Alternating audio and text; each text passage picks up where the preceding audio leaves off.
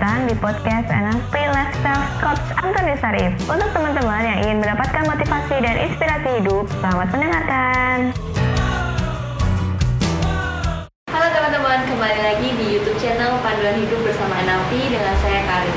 Pasti teman-teman pernah merasakan di dalam sebuah keluarga maupun di dalam sebuah hubungan itu ada orang-orang tertentu yang posesif lah, yang uh, apa-apa menuntut kita untuk pulang lebih cepat, untuk kita lebih cepat tanggap, padahal yang lain itu tidak simpati satu sama lain. Nah, untuk itu bagaimana kita mengatasi atau kita tuh nggak mindset kita nggak mengikuti dampak negatif akan itu. Nah, kali ini kita akan membahas itu ya. Itu cara. Maksudnya enggak ulang gitu? Ah, bukan. Oh, bukan. Maksudnya kayak kita nggak boleh pulang malam. Oh oke. Padahal yang melarang itu dia pulang malam. Kayak nggak fair gitu loh, kan? Iya iya Nah, iya, bisa tapi kita juga apa ya? Kalau mau gimana juga keluarga kita gitu kan. Nah, bagaimana kita bisa mengatasi itu? Jadi kita nggak masuk ke dampak negatifnya itu kan? Oke oke. Ini pertanyaan yang bagus sekali. Jadi ini eh, dulu saya tinggal di satu rumah yang kebetulan eh, ibu saya juga negatif. Ibu saya negatif, apa pun negatif, pokoknya marah-marah mulu, disalahin mulu, pokoknya kondisinya nggak oke banget gitu kayaknya. Nah, cuman saya belajar satu hal, ketika kita eh, melihat situasi itu, yang terjadi adalah kita bawanya negatif terus, negatif tinggi. Nah, ketika kita negatif tinggi, yang terjadi adalah kita bawaannya, ya istilahnya apa ya? Kita udah bawa sampah, sampahnya dari kantor, sampah di rumah, ditambah double-double, problem beban tambah banyak. Dan biasanya kalau menurut rumus yang law of attraction, tahu law of attraction? Hukum tarik dan menarik. Iya. Apa yang kamu pikirkan maka itu yang kamu tarik. Nah biasanya kalau sudah ada yang negatif, lucunya nanti ada kejadian-kejadian negatif terjadi hidup kita. Saya ambil contoh nih, Kak. ini, ini, ini, the, this is real story. Saya baru saja ada problem dengan ibu, gitu ya. Ketika ada problem dengan masalah dengan ibu, kemudian saya kena masalah lagi eh, pas lagi di mobil, eh, sempat terjadi pertengkaran dengan pasangan saya, dan saya pergi ke gereja dan itu ingat banget hari minggu kayak. Dan ketika lagi jalan, nggak tahu kenapa saya beloknya salah. Belok mobilnya salah jadi beloknya maksudnya ke kanan saya ke kiri.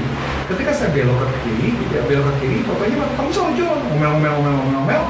Saya kesel banting sudah belok ke kanan ditabrak mau motor. Banget. pas ditabrak tab- ditabrak motor itu dengan kondisi bannya lagi belok ke sebelah kanan. Jadi tabrak motor jebret jadi yang satu ban yang begini lurus yang satu bannya tetap ke kiri jadi mobil nggak bisa jalan begini kan Iya. Nah, tahu apa yang terjadi? Pas ditabrak itu motornya orang yang mental, ternyata eh, dia suami istri, istrinya lagi hamil. Penderitaannya tambah banyak dari kan. Singkat cerita, saya berusaha untuk memarkirkan mobilnya, saya bawa istrinya ke rumah sakit, tapi untungnya nggak terjadi apa-apa. Dan eh, dikatakan bahwa eh, orang-orang sekitar untungnya pada rame, untungnya nyalain saya dia bilang adalah kesalahannya karena motor itu ngebutnya kenceng dan langsung mengajar. Bisa jadi mereka juga berantem ya. Kita juga nggak tahu. So artinya saya lagi bermasalah orang lain bermasalah. Artinya hukum tarik menarik langsung menarik saat itu juga. Kan begitu situasi mobil langsung tek ditarik kenalah saya. Nah dari pelajaran itu saya menyatakan bahwa ketika ada situasi yang negatif mau nggak mau kejadian akan terjadi sekali. Jadi yang harus kita lakukan adalah bagaimana supaya kita tidak terkena toksik kan, tidak terkena sama-sama negatif. Nah yang saya lakukan adalah dulu, ini kita ngomong dulu ya, dulu saya menghindar sih. Menghindari apa? Pulang malam. Karena di dalam situasi itu kita nggak bisa melakukan apa pun, sudah pasti nggak bisa. Yang harus kita lakukan sebenarnya, yang kalau saya memang mengatakan ya adalah menghindari situasi itu.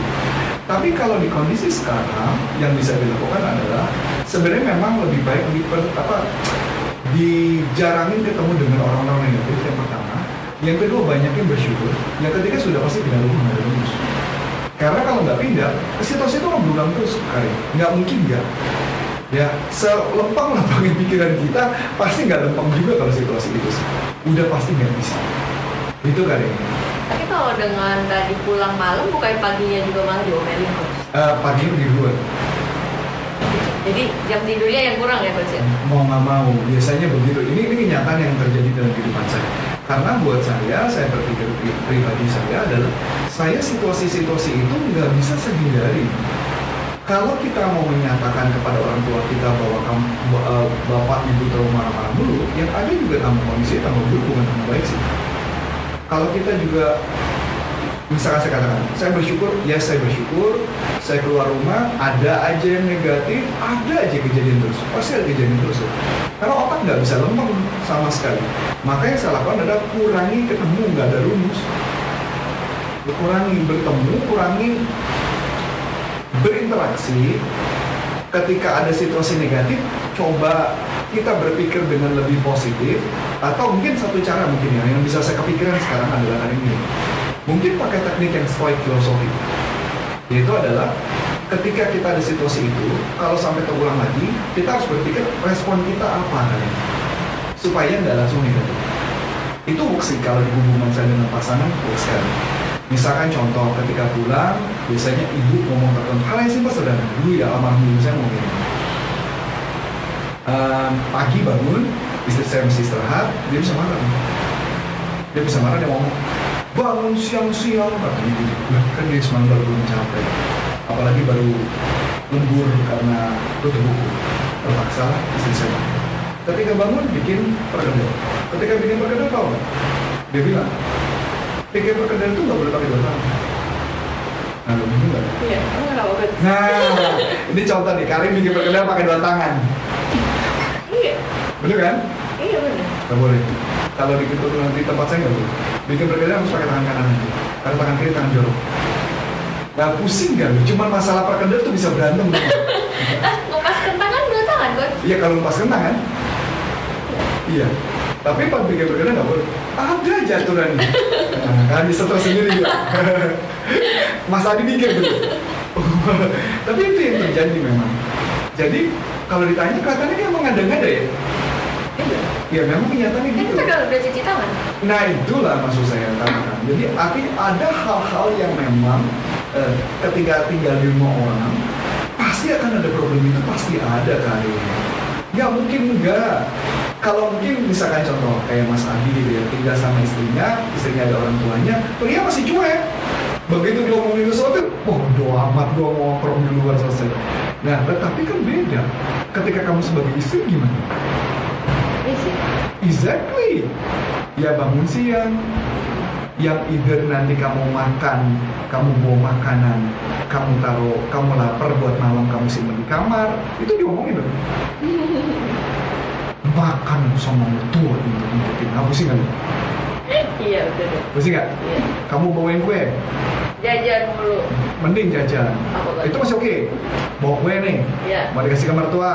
Mertua ngomong, kue apaan ini? Pusing nggak? Iya, serba salah ya. Salah. Lu bawa makanan, gak dikasih? Mertua dicuekin. Nah, pusing. Itu maksud saya. Artinya memang situasi itu pasti terjadi dalam sebuah makanan. Makanya kalau buat saya pribadi, yang paling penting adalah bagaimana kalau saya terhadap orang tua saya situasi itu kan nggak bisa terhindari. Yang bisa saya pikirkan adalah bagaimana caranya supaya bisa uh, mengatasi dengan cara bercanda. Ya tadi saya memikirkan kalau peristiwa itu terulang, apa harus tindakan saya? Nah, yang makanya saya lakukan waktu ketika ibu saya dulu itu, ketika itu saya ingat banget saya. Jadi waktu ketika itu uh, ini menjelang sekitar beberapa tahun sebelum ibu saya meninggal, ketika ada negatif itu saya samperin dan segera mengalami cerewet saya cium dan nangis ibu saya. Kenapa nangis? Jangan-jangan dia bilang ini tua, aku nggak pernah cium aku. Nah tapi menarik loh kan, habis itu sejak itu ibu saya jadi baik. Jadi menurut saya kadang-kadang situasi itu negatif karena kita sendiri sih sebenarnya negatif sih masalah. Mungkin dia juga kayak ibaratnya anak kecil yang lagi cari perhatian sama kita lebih dari itu. Iya. Cuman kitanya cuek. Itu yang terjadi. Dan tau nggak, istri saya itu termasuk dianggap sebagai mantu favorit.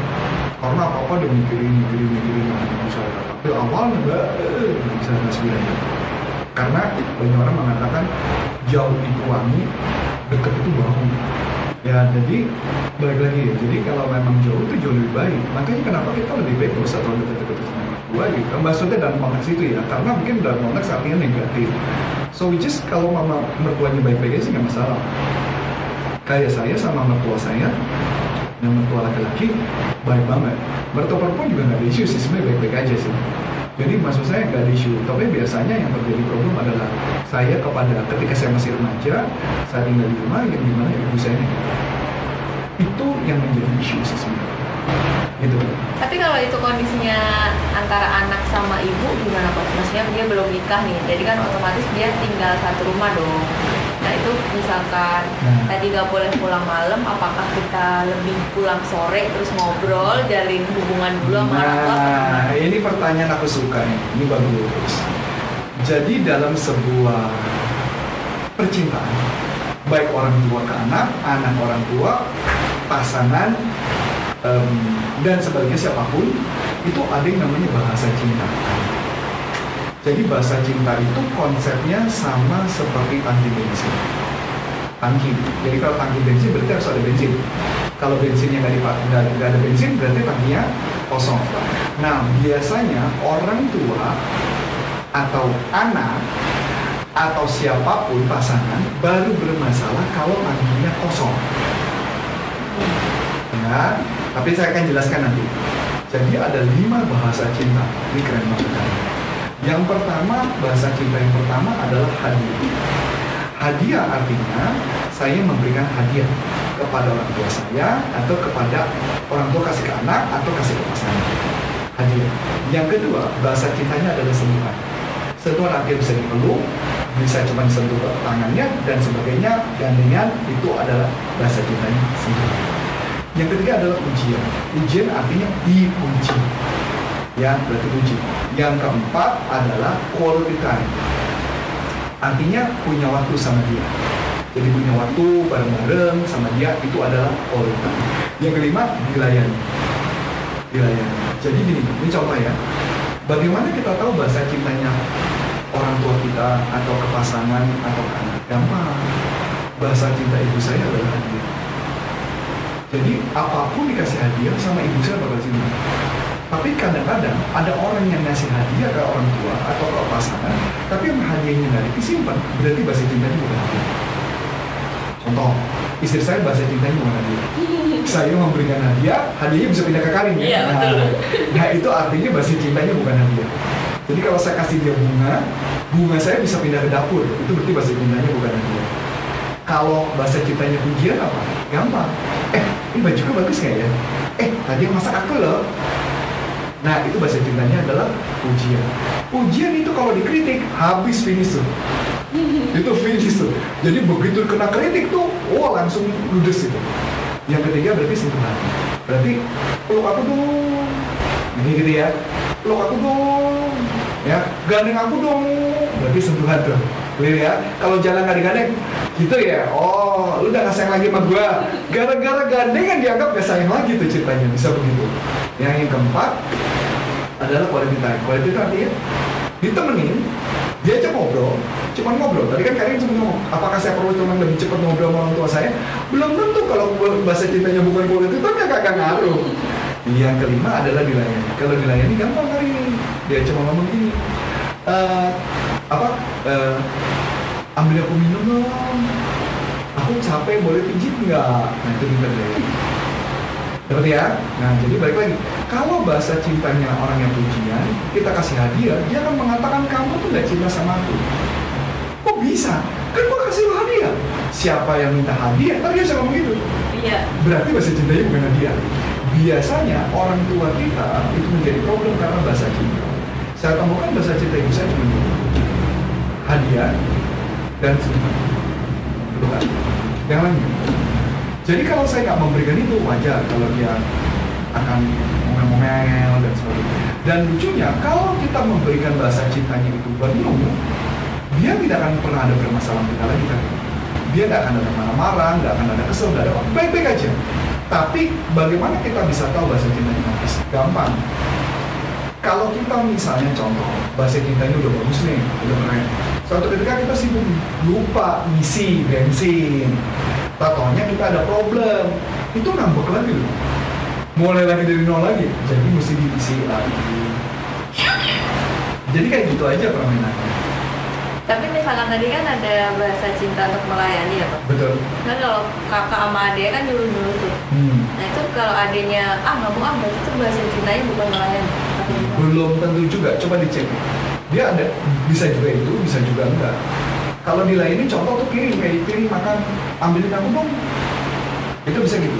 Iya biasanya kalau sama kakak kan dia ambil minum dong. nah Kadang tuh nggak duduk tapi jalan. ya, ya itu, itu berarti dilayani Oh. itu dilayani jadi itu ya coba dicek lagi. Mungkin ada bahasa cinta yang lain. Kadang-kadang kayak gitu. Jadi mesti cek dulu bahasa cintanya apa. Karena setiap orang beda-beda sih gitu. Tapi kalau anak-anak bahasa cintanya kemungkinan besar pertama lima, lama-lama berkurang jadi empat, jadi tiga, jadi dua, tiga, dua. Nah kayak gitu. Jadi kalau bahasa cintanya dipenuhi, gua jamin itu nggak bakal negatif. Orang jadi positif. Menarik. ya? Ya.